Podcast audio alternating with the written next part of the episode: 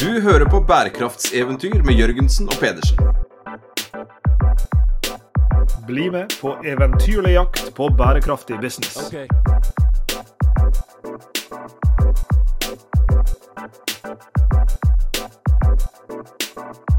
I denne spesialepisoden av Bærekraftseventyr Sveinung, som er produsert i samarbeid med klimafestivalen Varmere, våtere, villere, så sitter vi fortsatt i baren, og vi har fått besøk av en gjest som knapt trenger en introduksjon i bærekraftsammenheng i Norge. Det er Anja Bakken Riise, som er både kjent for å være leder i Framtiden i våre hender, er sentral i ordskiftet rundt alt som har med, med bærekraft i forstand i, i, Norge, og som også er forfatter av en ny bok som du sitter med her, Sveinung, som heter 'Mitt klimaregnskap'. Et forsøk på å leve bærekraftig og løsningene vi trenger. Og Vi skal snakke om den reisen du har tatt bak den boka, Anja, og veldig mye annet. Velkommen til oss. Tusen takk. Jeg hadde gleden av å høre på deg i, i går og kan si litt mer om det etter hvert. Men uh, vi sitter jo her med boka di 'Mitt uh, klimaregnskap'. Uh, er det en liten min kamp i den? ja, en miljøforkjempers min kamp. Det kan jo fort høres litt grann småkjekt ut å prøve å legge seg på det. Men, og det er enda verre et bilde som oppsto i hodet mitt da jeg holdt på med det her. nei, jeg burde nesten ikke si det. Jeg, jeg går jo ganske langt i å prøve å leve bærekraftig, og underveis så var jeg sånn det her er litt sånn som Jesus. Jeg liksom prøver å gå så langt jeg bare kan for at alle dere andre skal få slippe. slippe, og tusen takk.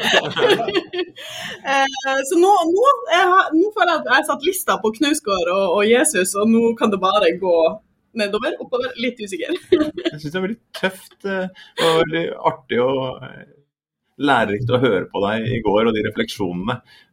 og helt ærlig så har man sånne fordom, fordommer. Jeg har noen fordommer i møte med framtiden i våre hender, og det er jeg ikke aleine om. Mm. Og i noen av reklamekampanjene dere har nå, så spiller dere jo på noen av de fordommene. Må jeg liksom eh, flytte opp i et telt oppe i, i Nordmarka? Mm. Og, og, ikke sant? Eh, eller, eller, kan jeg leve et relativt normalt liv i, i, i, vår del av verden? Og så tok du tak i den fordommen eh, og, og bare sa ja, jeg har prøvd og det er ikke lett. Eh, og, og, og, jeg har gått gjennom dette her steg for steg for steg og prøvd å gjøre det. Eh, noe har vært mulig, andre ting er kanskje så vanskelig at det nesten ikke er mulig for, for andre folk å gjøre. Eh, så jeg, jeg syns du, du, du, traff, veldig veldig godt der. Og boka di også, som jeg fikk gleden av å, å, kjøpe i går og, og lest litt, litt i. Eh, og introduksjonen der, hvor du forteller det herlige bildet om, om, som du kan fortelle mye bedre enn meg, men, eh, men jeg prøver meg likevel. En, en tysk turist når er, mm. du og venninnene er på, på, tur. Dere har tatt toget, gjort alle ting etter boka, og så skal dere opp bare et lite stykke til, og så blir dere plukka opp da, av, en, av, en, taxi. Og det var ikke en hvilken som helst taxi, det var en diger maxi-taxi. ja. Ja, og da følte jeg meg Da, da, da sto vi akkurat og møtte, hadde møtt på en tysk turist som fortalte at han hadde haika rundt omkring fra Tyskland til Norge. Han var her for å installere solceller, og venninna mi var litt sånn Ja, det her er Anja. Hun er leder av, verden, av Norges største miljøorganisasjon. Uh, og jeg, det, det, var litt sånn flaut, men jeg sto og snakka om liksom de forurensende forbruksvanene til nordmenn og hvor store oppgaver som må til, og så triller altså en maxitaxi inn og skal hente meg og hun, og han var litt sånn Hæ, skal dere to i den? Så, eh, så det viser jo bare at eh, vi er mange som prøver hardt, og der vi prøvde å ta tog og liksom gjøre det så miljøvennlig vi kunne. Eh, men samfunnet er også langt på vei rigga for en mer sånn ja, kalle forurensende livsstil. Eh, og, og, på Otta, der vi skulle prøve å komme oss videre inn til Rondane, der, der, vi, der denne taxien kom oss i møte, så var det det var en Mexitaxi de hadde. Mm. så da, da, ble det sånn. Og dette er jo en, en, dette er et kjennetegn ved, ved både klima- og bærekraftsutfordringer at her er noen ting som skal skje kall det lokalt, og det skal skje individuelt. Og så er det noen ting som du sier som er rigga systemisk og institusjonelt, og så brytes disse to mot hverandre. Og selvfølgelig er det slik at hvis det er nok av oss som endrer praksis individuelt, så, så, kan vi være med på å påvirke institusjonene og rammebetingelsene rundt oss. og Hvis det er nok av oss som ønsker vegetarisk mat, ja da finner Coop og McDonald's og alle andre ut at de skal begynne å selge vegetariske produkter. Så her, her, er jo det et samspill. Men boka sånn som den er skrevet, den er jo skrevet fra en mitt, midt, som det står i, i, i tittelen, altså fra, fra individet sitt perspektiv. Og Jeg går ut fra at noe av det du har fått uh, god anledning til å reflektere over da, når du skulle prøve å leve enda mer miljøvennlig, du skulle sette opp for deg selv et klimabudsjett. Ja, hvilke atferdsendringer er det som virkelig monner? Hmm. Altså, for å si det sånn, De største klimakuttene i nordmenn sine liv, altså hvis jeg skal prøve å redusere mitt eget eh, klimaavtrykk, eh, så handler det om å gjøre endringer innenfor hvordan vi reiser, eh, hvordan vi spiser og hvordan vi bor. Eh, og innenfor reiser så kommer det litt an på. Eh, hvis du bor i by, så, sånn som meg, så har du sannsynligvis lave klimaavtrykk fra alle hverdagsreisene. Eh, da kan du benytte kollektivtransport, kanskje sykler du, kanskje kan du gå. Så har du lave, lave klimaavtrykk fra hverdagsreisene. For folk som kanskje bor mer landlig til, så er man mer avhengig av bil.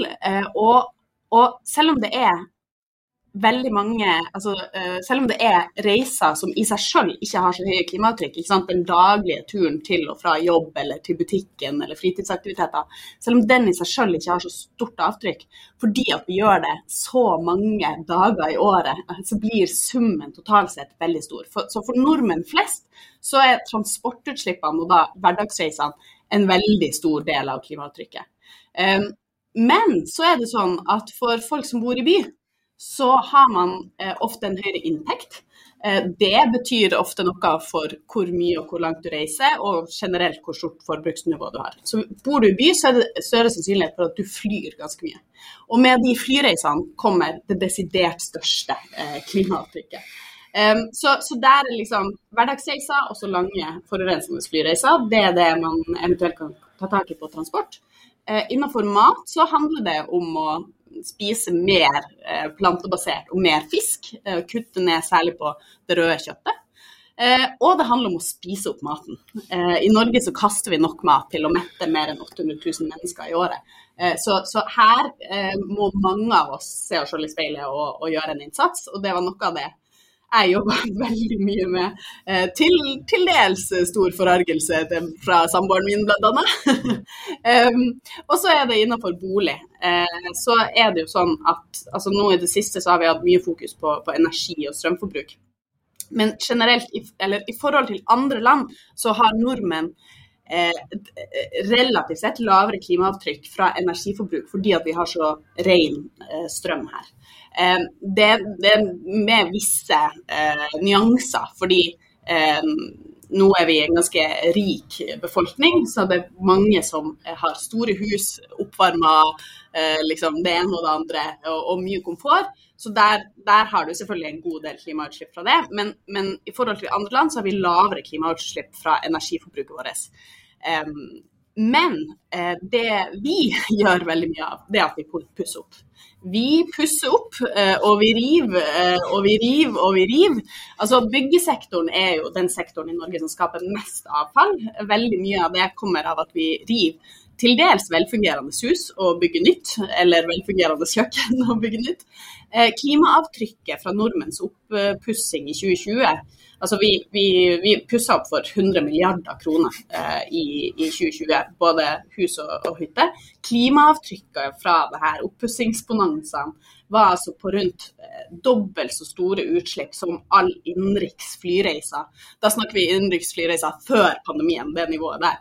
Eh, så, så det kommer åpenbart med et enormt klimaavtrykk. Um, men så, som jeg ser litt på i boka mi, uh, det er jo kanskje en av de oppløftende eh, konklusjonene jeg kommer frem til. Altså det enkle er ofte det beste. Mm. Det handler ofte, veldig, veldig ofte, i motsetning til det mange tror vi snakker om, liksom, vi bare må effektivisere, eller vi må ha ny teknologi, og vi må sånn og sånn. Vi må selvfølgelig det òg, men veldig ofte handler det om å si sånn Nei, Jeg tenker at det er godt nok det vi har. Vi bare lar være. Vi eh, dropper den reisen, eller vi reiser med tog istedenfor. Eller vi eh, velger å si oss fornøyd med det kjøkkenet som vi har hatt i ti år, istedenfor å få på plass et nytt. Eh, så du kan si at det kan medføre et litt sånn enklere og mer avslappende liv for, for mm. mange også.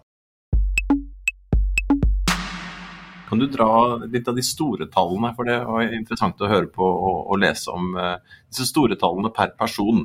Uh, ja. og, for du reflekterte litt over det jeg hørte på deg i går, at uh, det var faktisk en ganske stor del av det ved å leve i Norge.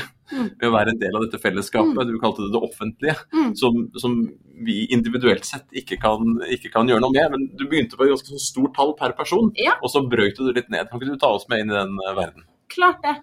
Altså, I dag så har nordmenn et klimautslipp per person på rundt 11 tonn CO2 per person per år. Eh, så er det sånn at hvis vi skal nå Parisavtalens mål, Eh, så må vi ned på et nivå altså da må Vi jo, vi skal jo ned mot null i 2050, ikke sant? men på veien dit, da, så, så det jeg brukte som ramme for mitt eget klimaregnskap, det var at innen 2030 så skal vi ha kutta utslipp ned til 2,5 tonn CO2 per person per år. Så vi skal altså kutte utslippene fra nordmenn flest med minst tre fjerdedeler eh, innen 2030. Eh, og, og, jeg så jo da eh, jeg, jeg, gikk jo da inn og, og så på de områdene sant, transport, mat, bolig og, og, øvrig forbruk, og prøvde å kutte utslippene mine med minst tre fjerdedeler på hver av disse områdene. Og jeg så at jeg klarte å, jeg klarte å kutte mye, bl.a. på transport, sånn som jeg snakka om i stad. Eh, det at nå, og så er det jo mange ting som spiller inn der, men det at jeg bor i by og har muligheten til å bo i by, um, uh, og er tett på et kollektiv, um, altså kanskje verdens mest velfungerende kollektivsystem, kan hoppe på toget når jeg skal reise, eller benytte meg av elbil, um, leie elbil uh, hvis jeg skal reise rundt omkring. Jeg, jeg kommer til København, jeg kommer på hytte, jeg kommer rundt omkring. Jeg syns at jeg kunne kose meg sånn reisemessig sånn relativt sett, i og med at det var inni en pandemi og, og litt sånn her. Men, men, liksom jeg fikk eh, dekket en del av reisebehovene mine, og egentlig ganske sånn um, optimistisk, fordi jeg så at jeg klarte å kutte transportutslippene mine med minst tre fjerdedeler. Uh, og, og, og, fikk liksom dekket reisebehovet mitt. Så jeg, jeg, følte meg egentlig ganske optimistisk på det området. Men uh, så for område etter område så så jeg at det var noen steder der det var mer vanskelig, noen steder der det var mindre vanskelig. Men det som kanskje overraska meg mest Jeg landa på et resultat eh, fra 11 tonn CO2 landa jeg på et resultat på rundt 6 tonn CO2. Eh, så klarte å, å redusere utslippene mine med nesten halvparten. Eh, som på sett og vis er bra, men samtidig langt unna de 2,5 tonnene som jeg skulle ligge på. Men det som overraska meg, det var å se at eh, de offentlige klimautslippene, altså de utslippene Når man fordeler utslippene som oppstår fra all den infrastrukturen som det offentlige bygger, alt fra veier, sykehus, skoler osv. Når vi fordeler det rundt på Norges innbyggere, så utgjør det et klimautslipp for hver enkelt på 3,3 tonn CO2. Så det betyr at allerede bare gjennom å bo og leve i det, i det norske samfunnet, så har vi sprengt eh, det eh, klimabudsjettet hver og en av oss har på, på 2,5 tonn. Eh, så, så, så, så det, det, jeg på en måte lander på i boka, er jo ja, jeg kan og jeg bør gjøre mye. Kanskje ikke fullt så mye som jeg gjorde i den perioden, for det, det, det, er, en, ja, det er, mer enn en heltidsjobb, for å si det sånn. Men men det er en utilstrekkelig klimastrategi å skulle la det være opp til hver enkelt å holde seg innafor dette klimabudsjettet på 2,5 tonn, fordi bare gjennom det offentlige sine utslipp så er det allerede sprengt. Så vi må rette en pekefinger og et søkelys mot politiske beslutninger.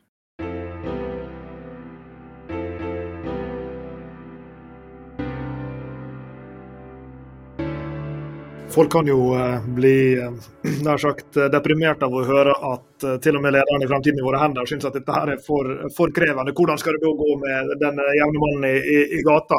Og så er det jo noe som heter på seg sjøl 'kjenne en ingen andre'. Men sånn, i, i lys av, av, disse erfaringene du har gjort deg, du, du skriver noen ting som var enklere. Noe var enklere fordi du bodde i by. Noe kan være enklere fordi det er så gode løsninger for det. Jeg syns f.eks. at det er overraskende. Jeg er ikke sagt fulltidsvegetarianer sjøl, men jeg har ikke hatt noe imot å være det. Fordi det er så gode alternativ nå at jeg, jeg ser ikke problemet med å skulle holde seg til en eh, vegetarisk meny. Ofte er den bedre enn den som har kjøtt. eller uh, i seg. Uh, så er det noen ting som rett og slett bare er attraktivt. Elbilen er blitt attraktiv osv. Hva er de aktivitetene som du sjøl prøvde deg på, og de områdene av kutt som, som, du har prøvd på, som du tror det vil være aller vanskeligst for folk flest å lykkes med? Mm. Hvor skal jeg begynne? Altså, jeg tror det er viktig å anerkjenne at veldig mange av de valgene fordi nå snakker, vi det, nå snakker vi egentlig om det som om det på en måte er eh, opp til hver enkelt å ta tak i og gjøre noe med ens enkelt eh, klimaregnskap. Eh, men så er det jo sånn at veldig mange av de valgene som vi tar i hverdagen, de er styrt av praktisk politikk. Altså F.eks. at det er eh, mye dyrere ofte å ta toget enn å fly. Um, og da, altså Jeg har jo da uh, benytta meg av tog på alle jobbreisene mine og på veldig mange av de private reisene som jeg har tatt. Jeg leide Eh, jeg leide Tesla og, eh, og, elbiler med god rekkevidde når jeg skulle ut på, på hytteturer et, et, stykke unna. Det kunne jeg gjøre fordi at jeg, har den, eh, jeg står i en økonomisk situasjon som gjør at det er mulig for meg å gjøre det. Men for veldig mange folk så, så er ikke det faktisk et alternativ. Og all den tid hele økonomien vår er rigga sånn at det er billigere å forurense enn, enn å ta de miljøvennlige valgene så er det ikke noe rart at det er, den, at det er de valgene, hvis man kan si det sånn. Jeg vet ikke helt, altså Er det egentlig et valg? Men altså at vi har en atferd som går i feil retning, er ikke så rart når, når økonomien er rigga sånn. sånn at, eh, så jeg vil jo si at, at eh, det reisemønsteret jeg hadde, selv om det var, altså for meg føltes komfortabelt og godt og fint, så tror jeg jo for veldig mange eh, så er det utilgjengelig. Og altså, ta, ta f.eks. ladeinfrastruktur i store deler av landet, så er ikke det på plass. Da er det ikke et alternativ, i hvert fall ikke hvis du har penger til de mest eh, fancy modellene. Da er det ikke et alternativ å benytte seg av elbil.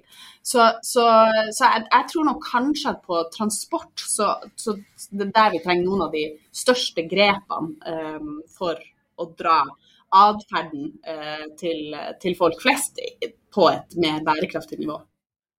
Det offentlige her, når, når de tallene er så store, Mm. Har vi som samfunn noen mulighet til å redusere det tallet? Eller er det på en måte litt sånn satt av det, for Du nevner infrastruktur, veier som er bygd. Eh, mm. Det virker liksom sånn, litt sånn uh, irreversibelt. Mm. Men er det ting det offentlige eller vi som system kan gjøre for å, for å ta ned den, eller er, Altså, jeg tror jo at eh, svaret er så enkelt og så vanskelig som at uh, det handler om at vi må stemme på partier som tar klima og miljø på, på alvor.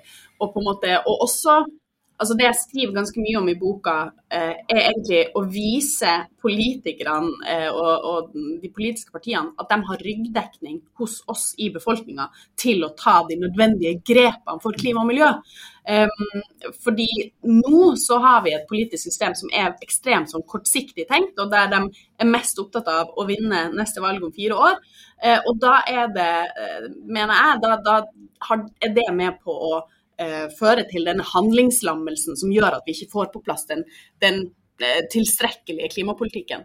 Eh, samtidig så tror jeg også at det handler til dels om eh, manglende kompetanse og eh, om manglende, hva skal jeg si, altså eh, indikatorer eller liksom eh, tallfesting, må, eh, målemetoder, eh, for å vurdere ulike valg opp mot hverandre.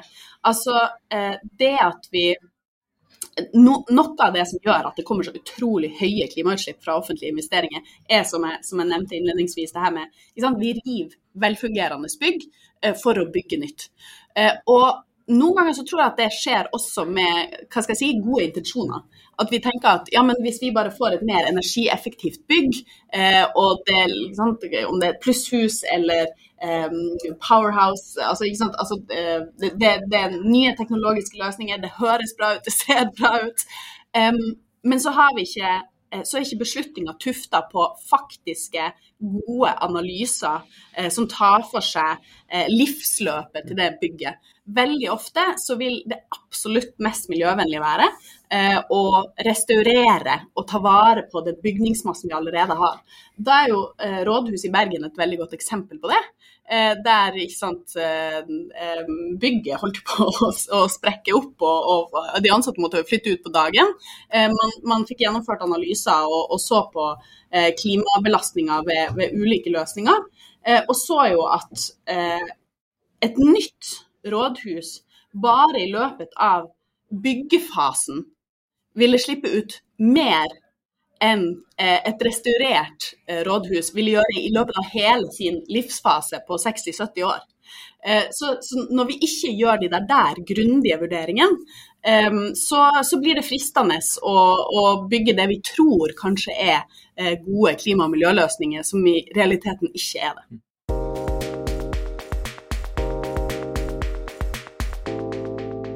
Lars Jakob spurte deg litt der om, om barrierene. Mm. Og da er vi på individnivå igjen. Uh, du nevnte i går på, på, scenen, så sa du at uh, vel, det er jo ikke så, så mye som skal til på individnivå. Da. Vi trenger bare å gå tilbake til livsstandarden på sånn 70-80-tallet. Og det var ikke så aller verst. Og der satt jo jeg, jeg fikk frysninger sant, i salen. Jeg er jo gammel mann. Jeg heter Sveinung, men det er jo det eneste som er ungt med meg nå. Eh, jeg vokste jo opp på 70- og 80-tallet. ikke sant? Vi hadde fire søsken. Jeg hadde en sånn eh, Peugeot 504.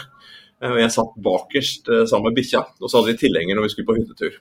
Og, og da spurte jo naboen om vi skulle flytte, for da skulle hele denne familien på tur. da. Og da hadde jo mamma lagd mat en uke i forkant som var, som var klar til hytta. Um, vi satt der i, i, i rød, husker jeg, sånn, der, sånn uh, altså skiutstyret vårt. Alt av klær, anorakker, var, var sydd av henne. Var, alle strømpene var strikket av henne. Ullgenseren var det. Jeg hadde jo undertøy fra krigen? Var, jeg var minstemann. Så jeg hadde jo liksom arva det som var av de andre. Så jeg regner med at det sånn klimamessig så, så var det jo helt fantastisk. Den, den gjengen som dro på, på, tur der, så drar du opp til en sånn iskald hytte. så du bruker første døgnet bare på tine hytta og hverandre. Eh, ikke sant? Og jeg bare sånn, jeg satt på 70-80-tallet. Dette, dette, kan være din bok. Du kan, du, kan, du, kan, du kan, gjenoppleve det her med familien. Jeg, jeg, jeg, det er jeg må bare få lov til å dele det. For, for, det er jo ikke så aller verst som vi levde på 70-tallet. Sånn skal jeg ikke ha Mac-en min? Altså, sånn skal jeg ikke hvordan tro. Ja, men skjønner jeg mener. Så, det høres så greit ut. 70-80-tallet, da brukte vi så og så mye per person. Vi var sånn og sånn, slik og slik. Uh, og, og, selvfølgelig var det bedre, liksom. Men, men må vi tilbake dit? Eller, eller, går det an å leve? For jeg elsker jo 2022 på mange vis. ikke sant? Jeg elsker jo, jeg elsker jo å slippe å dra på den type hyttetur som ja. vi gjorde da jeg var liten. det er så deilig å komme inn, og så er det noen som har skrudd på en knapp, og så er det varmt når jeg kommer frem. ikke sant? Ja. Uh, bare for å nevne noe, da. Du, du skjønner hvor jeg vil. Og, og bare det der, det mamma dreiv med rundt oss. Pappa jobba dobbelt ikke sant, som, på en lege, og mamma altså, alt det arbeidet med, mm. med, med, bakst og sånne ting, det, det, det krevde jo 200 stilling av henne mm. bare for å holde det maskineriet i gang. eh, og så tenkte jeg liksom Anja, er det, er det dit det skal? Liksom? Er, det, er det medisinen? Oh, ja, Svein, vi skal tilbake til oppveksten din. Ja, men da tror vi skal nå. Hyggelig å ha deg på besøk. Jeg ønsker deg lykke til. Men Fordelen er at Sveinung i dag har jo chihuahua. Den tar veldig mye mindre plass, ja. så han har bedre plass i bilen enn han hadde med den store hunden. Ja, ja, oh, det er veldig bra. Uh, Oi, hjelpe meg. Ja, ikke sant? Man skal være forsiktig med hvilke bilder man uh, maner fram. Altså, um, hva skal jeg si, både og. Altså, ta f.eks. kjøttforbruket. Da. Mm. Eh, da, da På 70-80-tallet så spiste man eh, kjøtt eh, et par ganger i uka eh, til middag, og, og resten var nå skal ikke jeg begynne å snakke om fiskeboller og fiskegrateng, og det kan bli ganske traust, Men... Jo, Men... Jeg, jeg kjente jeg begynner å gulpe, ikke sant. Nei, men, men, ikke sant. Uh, så liksom, OK. Kjøtt et par dager i uka, fisk et par dager, grønnsaker og, og, min mors levergryte. Ja, ok. Jo, jo, men den var jo så god. Nå er vi stuck. Vi kommer ikke videre. ja, men Det er jo helt greit. Men altså, jeg, jeg syns realiteter er viktig å se i øya, og, og gitt at problemene er så store de er Mm. Verdens bærekraftsproblemer er så store, og det må mm. vi fanke meg løse. Mm. Og da kan det jo hende at vi må tilbake til 70-80-tallet, og det er greit. Ja, men, ja, men, så, men på, på, på, noen ting, helt, jeg, Det kan være greit, det, altså. Eh, men, og, og du, du, som har skrevet boka, det er du som kan dette her, så du må bare fortelle. ja, Nei, men, men, jeg tror at eh, eh, altså, Noe av det som f.eks. gjør meg veldig optimistisk, eh, og som jeg skriver mye om i boka, eh, det er f.eks. hva som finnes av mobilitetsløsninger. Mm. Og, og eh, så jeg, jeg, hva, jeg, jeg, tror jeg skal prøve å unngå noensinne igjen si at vi skal tilbake til 78-tallet, fordi at eh, de løsningene som jeg er opptatt av, eh, handler ikke om den barndommen som, som, som du beskrev der. ja, som du fortsatt bearbeider i terapi, ikke sant? Nei da. Eh, men, eh, men da, for eksempel, da. Eh, så har du Jeg syns det er kjempespennende å se, eh, se kollektivselskapet Ruter, mm. som, som står for transportløsninger i, i Oslo og Akers eller Viken Bergen, hva nå enn heter nå. Eh, eh, eh, som, de har bl.a. gjort en, en, en, analyse av hvordan transportløsninger som bør eller kan komme på plass i, i Oslo og Viken. Og da, så da snakker vi ikke bare om lille Oslo, vi snakker også om sånn Storviken og Ytre Enebakk med 4000 innbyggere. Eh, og det de ser, er at hvis du får på plass løsninger som har en kombinasjon av nullutslipp Eh, fartøy, åpenbart, eller eh, kjøretøy, eh, sammen med type deleløsninger.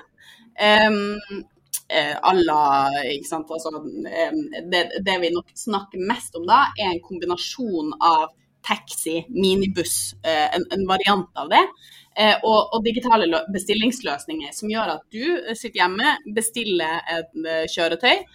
Så er det noen lure algoritmer som regner ut hvordan kjøretøy som bør komme og hente deg, sånn at den kan slå sammen med han Vidar borti gata som også har bestilt et kjøretøy, og som skal en annen plass i nærheten av deg. Så kommer disse delte løsningene, plukker dere opp, kjører dere effektivt og smertefritt fra A til Å.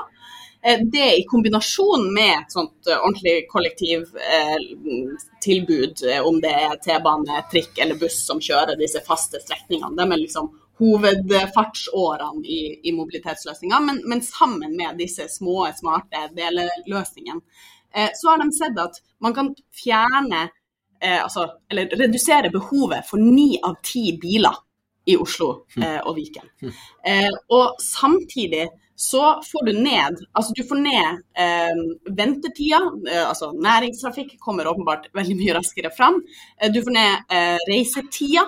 Eh, de så at i snitt så må eh, de som har bestilt denne transporten, og da snakker vi igjen hele Viken, eh, må vente i underkant av fem minutter før de blir henta Eh, når man får på plass gode nok løsninger her. Eh, og, og samtidig, eh, den, denne studien tar for seg Oslo og Viken, men det er gjort andre typer studier, f.eks. I, i Lisboa, en kjent studie som kalles Lisboa-studien gjort av OECD, der de så at denne type løsninger faktisk eh, bidrar til å utjevne forskjeller i byen. Fordi at det betyr at grupper, mer marginaliserte grupper som tidligere ikke hadde råd til å komme seg rundt eh, på samme måte som de mer velbemidla hadde, eh, nå får mulighet til det. Og får mulighet til eller bedre tilgang til utdanning, til arbeidsmarkedet osv. Så videre. sånn at du får en rekke gode eh, sosiale eh, forbedringer også. Eh, og, og, det tenker jeg Altså, sånn, sånn, er det over hele linja, om vi snakker om mobilitetsløsninger eller om vi snakker om f.eks. deling av forbruksvarer. Eh, dere kjenner kanskje til parkdressen.no, mm. ja, ikke sant? Eh, som, som, sørger for at eh, istedenfor at du skal måtte kjøpe og bytte ut eh, parkdressen til ungene dine, så kan du bare bestille, eh, og så har de avtalt med barnehagen, eh, sånn at eh, parkdressen leveres i barnehagen når, bar når barnet Vox er for stor for den, så kan du bare bytte det ut, og så får du levert eh, på nytt der. Eh, og, og de har jo også funnet ut at de kan designe disse dressene bedre. ikke sant? De ser at barn Det er visse områder som slites eh, raskere. ikke sant? Tygge på skjortekragen. Før så måtte man da, eller om ikke bytte ut hele, så Eh, ble den i hvert fall ikke ja, eh, tatt inn og brukt på nytt. Mens nå bytter de bare, eller legger de inn en forsterkning eh, i skjortekragen, og så bytter de den ut. Og, og liksom, du har en masse sånne gode løsninger som vi ikke hadde på plass på 70-tallet.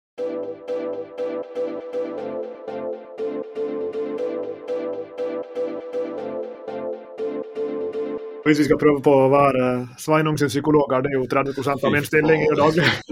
Så, det gått ned til 30 Ja, ja det, det, det, bare frukter et arbeid over tid. Eh, så, så, er jo dette kanskje det du beskriver, det som, som ofte kalles for retrovasjon. Altså at vi skal, ikke, vi skal ikke tilbake til der vi var, men vi skal hente noe av det bedre av det og så skal vi gjenskape den verden hvor vi har disse teknologiene mm. som gjør det mulig. Vi har disse algoritmene.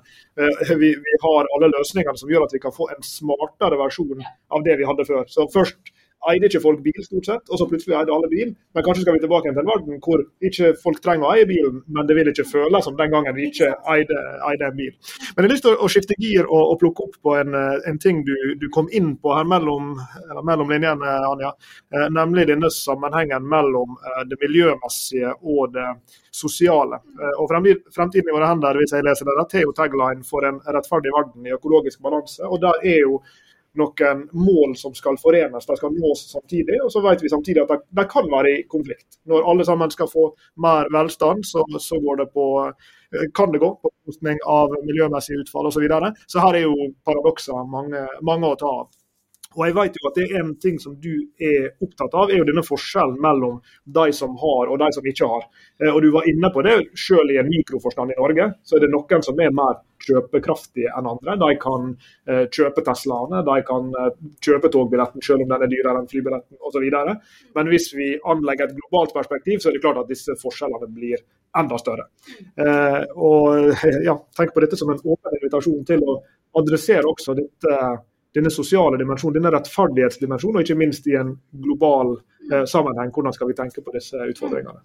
Ja, altså, jeg, jeg visste jo det um, før jeg satte i gang med boka også. Altså, jeg har på en måte uh, jeg har uh, hørt og jeg snakka om at det er et én-til-én-forhold mellom hvor mye du tjener og hvor mye du slipper ut.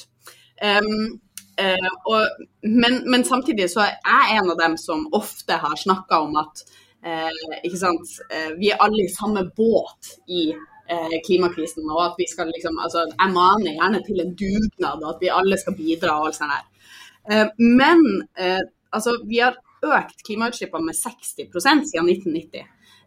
og fellesskapet har langt ifra et likt ansvar for denne økninga.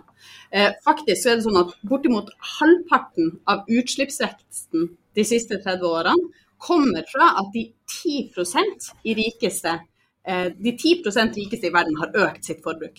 Eh, nesten 20% av utslippsøkninga kommer fra verdens 1% rikeste.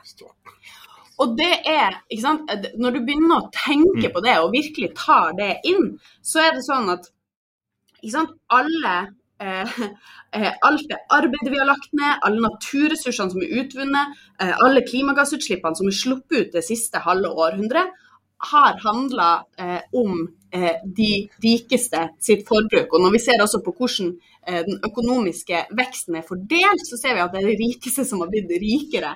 Ikke? Så, og det tenker jeg Jeg syns at noe av det som var Nå kom nylig FNs klimapanel sin siste rapport.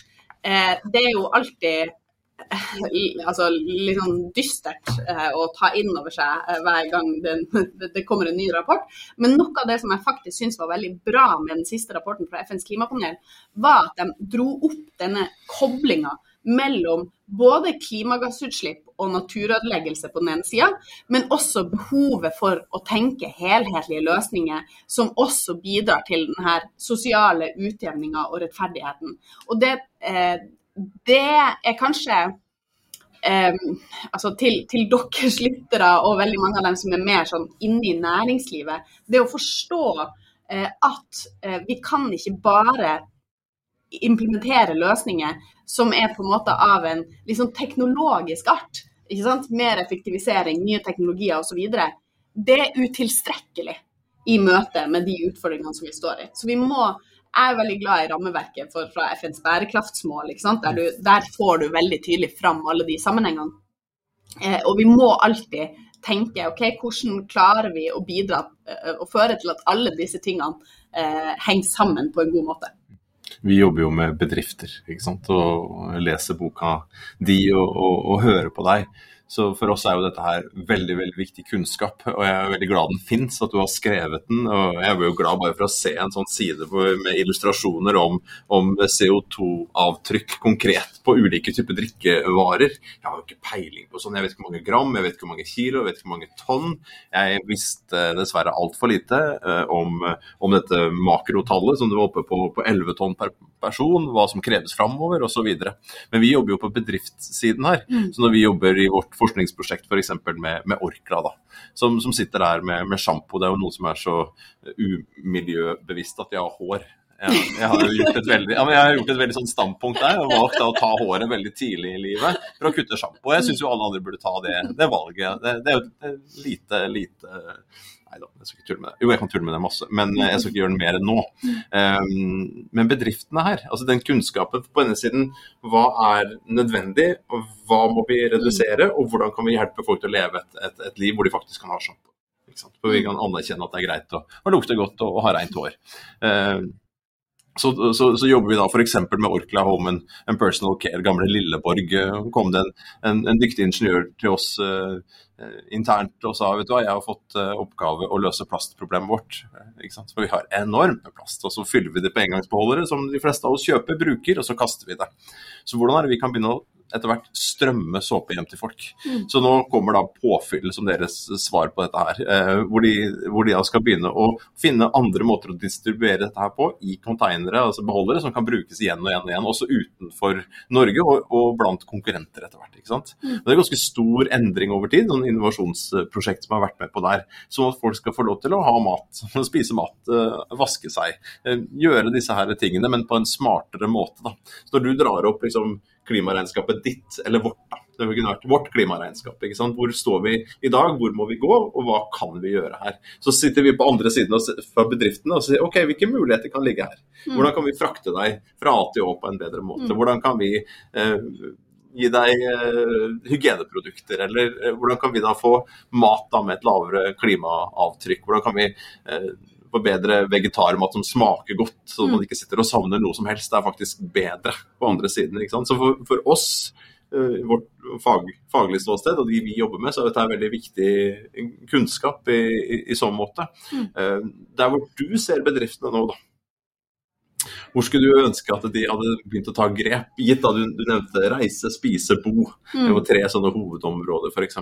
Mm. Eh, hva er det som er, er nærliggende for bedrifter å, å, å begynne å, å, jobbe med? Hva, mm. eventuelt hva er det du ser slags bevegelse som du skulle ønske at du kunne se enda mer av? Mm.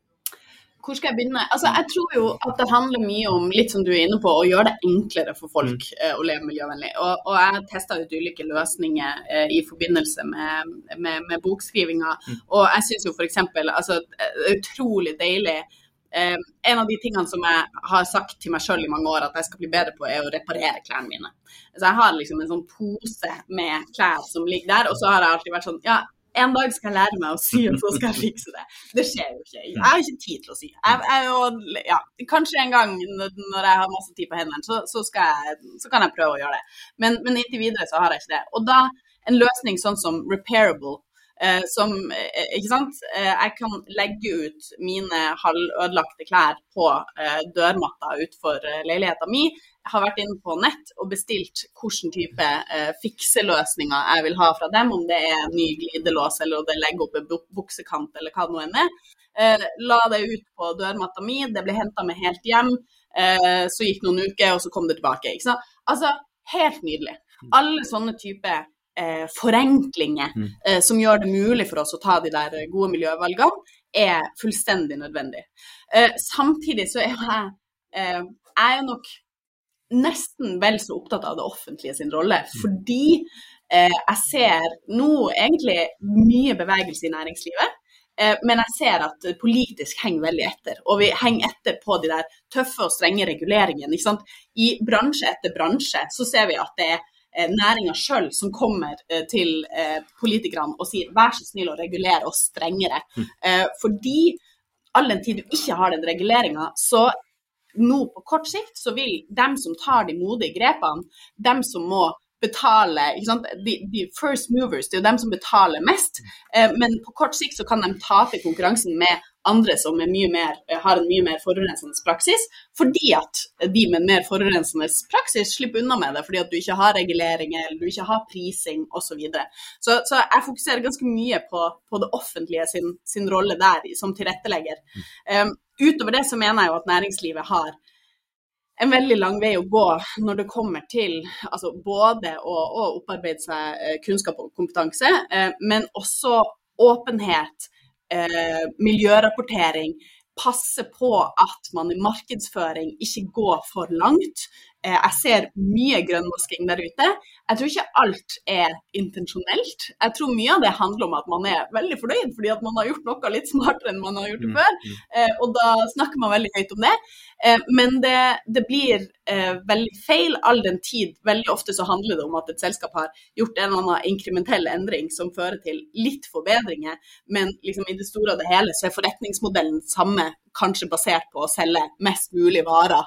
Eh, ikke sant? Når det vi vet at vi må bevege oss ned, eh, vi må få ned volumet av nysalg, eh, vi må over til mer tjenester eh, osv.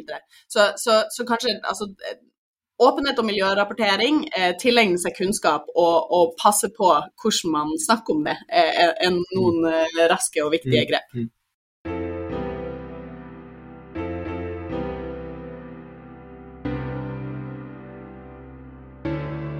Vi har allerede vært inne på, på disse to dimensjonene, det miljømessige på den ene sida og den sosiale på den andre. og, og eh, jeg vil gjerne følge opp det du, det du, er inne på her nå med det som næringslivet har gjort. Eh, kommet langt på mange områder. Kanskje kommet lengre på handling på det miljømessige området enn på det sosiale. Samtidig så opplever jeg og Sveinung om dagen, vi ser det i møte med eksekutivstudentene våre, vi ser det mer generelt i interaksjon med banker og finans og i det hele tatt, at liksom interessen for og vektlegginga av S-en i ESG, da, disse sosiale eh, indikatorene, blir, blir, altså blir, mer og mer snakka om, de blir løfta mer og mer fram. Det er forskning som viser at, at eh, finansmarkedet reagerer mer på sosial, informasjon om sosiale eh, forhold nå enn de gjorde før. Eh, så, så, Det er akkurat som at det, liksom, det omsider blåser en sånn sosial vind over eh, næringslivet også. Og så, som vi var inne på i stad, dere i Fremtiden i våre hender er jo Eh, er jo pådrivere på begge sider. Dere var jo eh, bl.a. Eh, av, av forslagsstillerne til denne dette etikkinformasjonsutvalget som, som, til slutt ble, ble, til åpenhetsloven, som jeg selv fikk lov å sitte og være med og, og utforme. Hvordan er blikket ditt her på det sosiale kontra det miljømessige? Går det, ja, går det fort nok? Skjer det nok? Opplever du den samme nær sagt, sosiale vinden som blåser, og blåser den for, for slapt så langt? Det du kan si er altså på, Jeg vil si, fordi du, du sier miljømessige, jeg vil si at på klimaområdet eh, så har vi kommet desidert lengst. Eh, og vi har fått på plass eh, på mange områder gode indikatorer for å måle utviklinga. Og, og, klimagassutslipp er jo på en måte det er mye lettere å måle og, og følge status på enn på en del andre områder innenfor også miljøfeltet. Altså alt fra naturødeleggelse, kjemikalieutslipp, eh, forurensning av vann eh, osv. Så videre. sånn at jeg vil si at vi har kommet lengst på det som går på klima. Vi trenger mye mer fokus på naturressursforbruk. Altså I arbeidet med boka mi så har jeg blitt eh, Jeg skjønt at jeg har blitt en sånn ressursradikaler. eh, altså, eh, når du I 2020 så tok vi ut 100 milliarder tonn med naturressurser fra, natur, fra jordskorpa. Um, um, forskerne anslår at vi kan forbruke et sted mellom 20 og 50 milliarder tonn. Uh, at det er på en måte en, en trygg maksgrense. Da klarer naturen å regenerere seg sjøl. Uh, men, uh, men, det som da vi i Framtiden våre hender er opptatt av, er at i skjæringspunktet mellom klimakrise og naturkrise, så har du dette overforbruket eh, av varer, og inni der så har du overforbruk av naturressurser. Det som, eh, også Inni der igjen så ser du at det overforbruket er drevet fram av veldig ofte dårlige arbeidsforhold og dårlige livsgrunnlag for mennesker. Eh, I tekstilbransjen f.eks., som vi jobber mye med, så er jo noe av grunnen til at du kan ha den overproduksjonen av klær, det er fordi at man betaler arbeiderne så utrolig lite. Man har så dårlige fabrikker med dårlige og utrygge arbeidsforhold eh, at sånn holder man kostnaden nede. Eh, og samtidig så, eh, så Eller et, et, annet element av det er at vi også produserer altså 70% av nye tekstiler som produseres i dag, er plastbaserte tekstiler, som igjen kommer med høye klimagassutslipp. Ikke sant? Sånn at det er den derre sammenkob... Altså den, eh, den, den koblinga mellom både eh, utnyttelse av mennesker og utnyttelse av miljø er, er helt sånn Eh, det står helt sentralt i det overforbruket eh, som vi har i dag. Vi opplever ikke at man har kommet langt nok eh, på de sosiale aspektene overhodet. Men så må man jo begynne å liksom bryte opp innenfor hvilke områder. Altså sånn, på verdensbasis kan du jo si det skjer veldig mye bra, f.eks. fokuset på jenters utdanning. Eh, som har ført til mange framskritt der i mange land. Eh, men så har du eh, f.eks. det som vi har jobba med i mange år, å sørge for en levelønn, altså en lønn å leve av eh, til tekstilarbeidere. Der Hense Maurits f.eks. har vært ute med lovnader om at det skulle de få på plass. Der er vi ikke i nærheten av.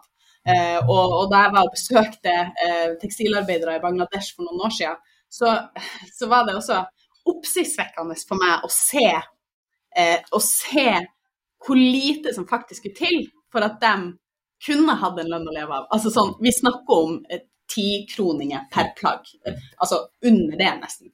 Eh, hvis bare en litt større andel av eh, inntekten fra eh, tekstilproduksjon kunne gå til arbeiderne istedenfor dem som sitter på toppen, så, så, så, er det veldig mye som kunne vært løst. Så, um, så litt langt og kronglete svaren her, kanskje. Um, men, men det, det, er mange nyanser her, og, og, på det sosiale, nei, så er det rett og slett fortsatt en veldig lang vei å gå. Kan ikke du ta oss med litt lenger inn i dette, her, eh, dette ressursspørsmålet? 100 milliarder tonn, var det du sa? Mm er det vi tar ut? Eh, kan du gi noen eksempler på det? Bare sånn konkret, Hva er det vi snakker om da? Da snakker vi om alt fra stål og aluminium til sand, til olje, um, til uh, trevirke. Ja, så det er eh, både ikke-fornybare og fornybare ja. ressurser, mm. men vi tar ut de ikke-fornybare så raskt at de ikke rekker å fornygjøre seg, eller mm. ja, bli, bli nye. Og, og, hva var tallet du sa som vi kunne ta ut per år? Mellom 20 til 50. Ja, for 20 til 50, da begynner vi å milliarder tonn, da begynner vi å nærme oss noe som det er mulig for naturen. Å, å, regenerere. Ja. Og så er det vel en del ting som blir tatt ut som vil være tapt for alltid hvis man går inn i mineraler og sånne ting, hvis man da ikke er flinke til å, å resirkulere det. Mm. Sier, hva, hva, er det du kalte deg sjøl? Hva, hva sånn hadde det blitt? Hadde blitt en Ressursradikaler. Ja, men fortell, hva legger du i det? Nei, altså I boka mi så følger jeg jo bl.a. Eh, reisen fra eh, bomullsåkeren til buksa. Mm. Eh, blir eh, Eller til buksa ender opp på en søppelhaug, kan du si. Eh, og, eh, og, jeg følger reisen til fra liksom alle metallene i en bil, og plasten og sant, alt det her som en bil er satt sammen av, fra produksjonen av disse til å sette sammen bilen, til den kommer fram til oss og vi bruker den en stund, til den skal avhendes. Eh, og, og, når du begynner å virkelig gå inn i alle de ressursene som skal inn i alle de tingene som vi omgir oss med til daglig, nei, da, nå, nå, kan ikke lytterne høre hvordan jeg ser ut. Eh, men, men jeg føler meg som sånn her, den der emojien som har sånn der eh, eksplosjon i hodet. men, men fremdeles så tenker du liksom at det er det offentlige og reguleringene som er det viktigste. For jeg, jeg prøvde å lede deg litt inn mot bedriftene, og så gikk du mm. mot det offentlige og reguleringen av det. Mm. Men i, i, den forståelsen, den kunnskapen her hos bedrifter, da, at vi må kutte det til halvparten eller en, en fjerdedel. Mm av, av, det vi tar ut per i dag. Mm. Og, og, der skal disse bedriftene eh, klare å, å, være lønnsomme, de skal klare å betale arbeiderne sine godt. De skal gi oss de produktene vi trenger, og de skal ikke ødelegge for fremtidige generasjoners mulighet til å dekke sine behov. Mm. Um, bedriften oppi dette her, altså, jeg, jeg, sitter jo bare og, sitter og hopper på stolen som fra bedriftenes ståsted, for her er det jo noen utfordringer mm. som, som, gjør at i framtiden, når, når, når, eh, bedriftene da ser på seg sjøl og ser seg sjøl i speilet, mm. ser hva er det de leverer i dag, og hva er vårt fotavtrykk eh, per i dag, og så endrer rammebetingelsene så blir det jo dyrere når det blir tomt for en del ressurser etter hvert. ikke sant? Så må det jo endres på et eller annet vis. Er jeg overoptimistisk på hva bedriftene kan gjøre, uavhengig av reguleringene på et vis? Altså, jeg tror dessverre det. Fordi altså, nå har vi Altså, nå er i stor grad eh, økonomien eh, og, og, og, forretningsmodellene til de aller fleste eh, bedrifter lagt opp på Altså, det er så tett knytta til ressursuttak eh, og, og, en vekst i, eh, i ressursuttaket at jeg syns det er vanskelig å se for meg at de kommer til å legge om uten de nødvendige reguleringene. Jeg tror at for veldig mange av de, de, bedriftene som har vokst seg store i dag, så er det en enorm omlegging som skal til for å gå fra å selge mest mulig og hente inn inntjeninga si på å selge mest mulig, til å gå over til å selge eh, tjenester. Um, og så kan du spørre, ja, um, er Altså, fordi, hva er mest lønnsomt? Eh, og på kort sikt i hvert fall, så er det fordi at vi ikke har prisa inn miljøødeleggelse, fordi at vi ikke har prisa inn, eller, eller sørger for da, eh, en rettferdig eller anstendig lønn for veldig mange av dem som produserer disse varene, eh, så, så kommer det ikke til å lønne seg for selskaper å, å, sørge for den omstillinga. Det, det, er ganske mange uh, selskaper som står i den mm. skvisen nå, der de faktisk prøver og mm. ønsker å gjøre det, mm. men kommer ikke dit. Eh, så, eh, så, vi er i hvert fall altså vi er avhengig av et samspill der. Absolutt. Da er, vi, da er vi helt enige. Det er vanskelig. Vi, vi, jobber jo på den siden der med bedriftene som, som, står i det. Som ser at rammevilkårene endrer seg. Som ser det at nei, de kan ikke Det banale eksempelet med sjampo. De kan ikke gjøre det på den måten, så de må gjøre noe annet. Mm. ikke sant? Og Om det er nok, om det er riktig måten å gjøre det på, om det er lønnsomt i framtiden. Eh, og hvordan er det de skal lage da og designe en forretningsmodell hvor det faktisk er lønnsomt mm. å ta ut færre ressurser. Mm. Og ikke å, leve i et regime hvor det blir dyrere å forurense. Og allikevel tilby oss kunder en, en grei levestandard, i det minste. Og der har jo eh, dere brukt ordet pris et par ganger, og jeg har lyst til å, eh, jeg har faktisk lyst til å sitere Oscar Wilde. Han eh, sa jo Vi er der. ja, men, jeg, men, jeg, har en plan altså utover å bare sitere Oscar Wilde. Han uh, sa jo om kynikere at det er en som vet prisen på alt, men som ikke kjenner verdien av noe. Og akkurat det uttrykket blir jo brukt om, om økonomer også. Du har jo tidligere i dag han har vært på besøk på, på NHH, vårt, vår, vårt hjemsted, skulle jeg sagt. Og, og, det er jo det de sier om, om blårussen. ikke sant? Akkurat det samme liksom, eh, uttrykket som, som, blir brukt. Men så er det interessant med dette med pris, fordi at prisen er jo likevel en slags indikasjon på verdi på et vis. Og selvfølgelig ikke perfekt med alle liksom, fallgruvene som er knytta til å sette pris på noe, for det kan ha veldig det, perverse effekter på, på, på, et vis. Eh, men samtidig så, så sender det noen signal inn i et marked da, om at her er det noen knappe ressurser som vi er nødt til å være flinkere til å ivareta, og derfor så går prisen opp på disse, eh, på disse ressursene. Så i den grad prismekanismen kan fungere godt på disse områdene, her, så, så er jo det kanskje et av, av håpene vi kan ha og jeg og Sveinung har sitert stakkars eh, Ray Anderson mange ganger på denne podkastserien. Ray Anderson som uh, var jo en av de som tidlig begynte med, med sånne tjenestemodeller for produkt i dette teppeselskapet Interface. Og, og, Noe av det som er fascinerende å høre om, for han var også en ressursradikal. Uh, og, og den, Han kaller seg jo faktisk en uh, uh, radical industrialist, det er jo hans et begrep. Men, men, det handler veldig mye om at han hater avfall. Han sto inne på fabrikken og så så han på avkappet fra teppeproduksjon. og Så fråda han mot den containeren. For dette var jo teppeprodukt han hadde betalt for, han hadde kjøpt det. Og så er det en eller annen type her inne som kapper det av og hiver det. Det, det går ikke an. Vi må få verdi ut av hvert lille eh, gram med teppe. Og så kan du si at kanskje er det der blodkapitalisten og miljøverneren på en måte møtes. da. At ja, vi, vi, må faktisk sette så høy pris på disse ressursene at vi samtidig da, for tilbake til Wild, ser verdien i dem. Mm. Ja, og jeg tror du er inne på noe, altså bl.a. Altså prissetting av avfall i, I, dag så er det altfor billig å skape enorme mengder med avfall. Uansett om vi snakker om byggsektoren eller om vi snakker om tekstilindustrien eller hva det nå enn er. Så, så, der tror jeg også at, at vi må inn og, og, og få på uh, høyere kostnader, rett og slett. Og jeg tror at dette her eh, betyr avslutningen for det jeg har lyst til å kalle del én av bærekraftseventyr med, med, Anja Bakken Riise. Kjære Anja, jeg håper du har lyst til å komme tilbake oss en, en annen dag, og så følge opp med kanskje både del eh, to og tre. Og nå er psykologen til Sveinung, da, for nå er jeg fortsatt på disse 30 av mine. Forstår jo at dette handler om at vi hører musikken øke bak her i baren. Det betyr at de har begynt å åpne serveringa snart, så vi kan jo også fortsette denne samtalen i eh, baren Anja, både utover dagen i dag og resten av festivalen. Tusen takk for at du kom til Bærekraftseventyr og snakka med oss, og kos deg videre på festival. Tusen takk, og takk for at jeg fikk komme. Du har hørt på Bærekraftseventyr med Jørgensen og Pedersen. Send e-post til eventyr.krøllalfa.jorgensenpedersen.no for å stille spørsmål eller komme med forslag til tema for fremtidige episoder. Og besøk jorgensenpedersen.no for mer informasjon om denne podkastserien. Okay. Derfra kan du også fortsette samtalen med oss i sosiale medier på Twitter, Facebook, LinkedIn, YouTube og andre steder.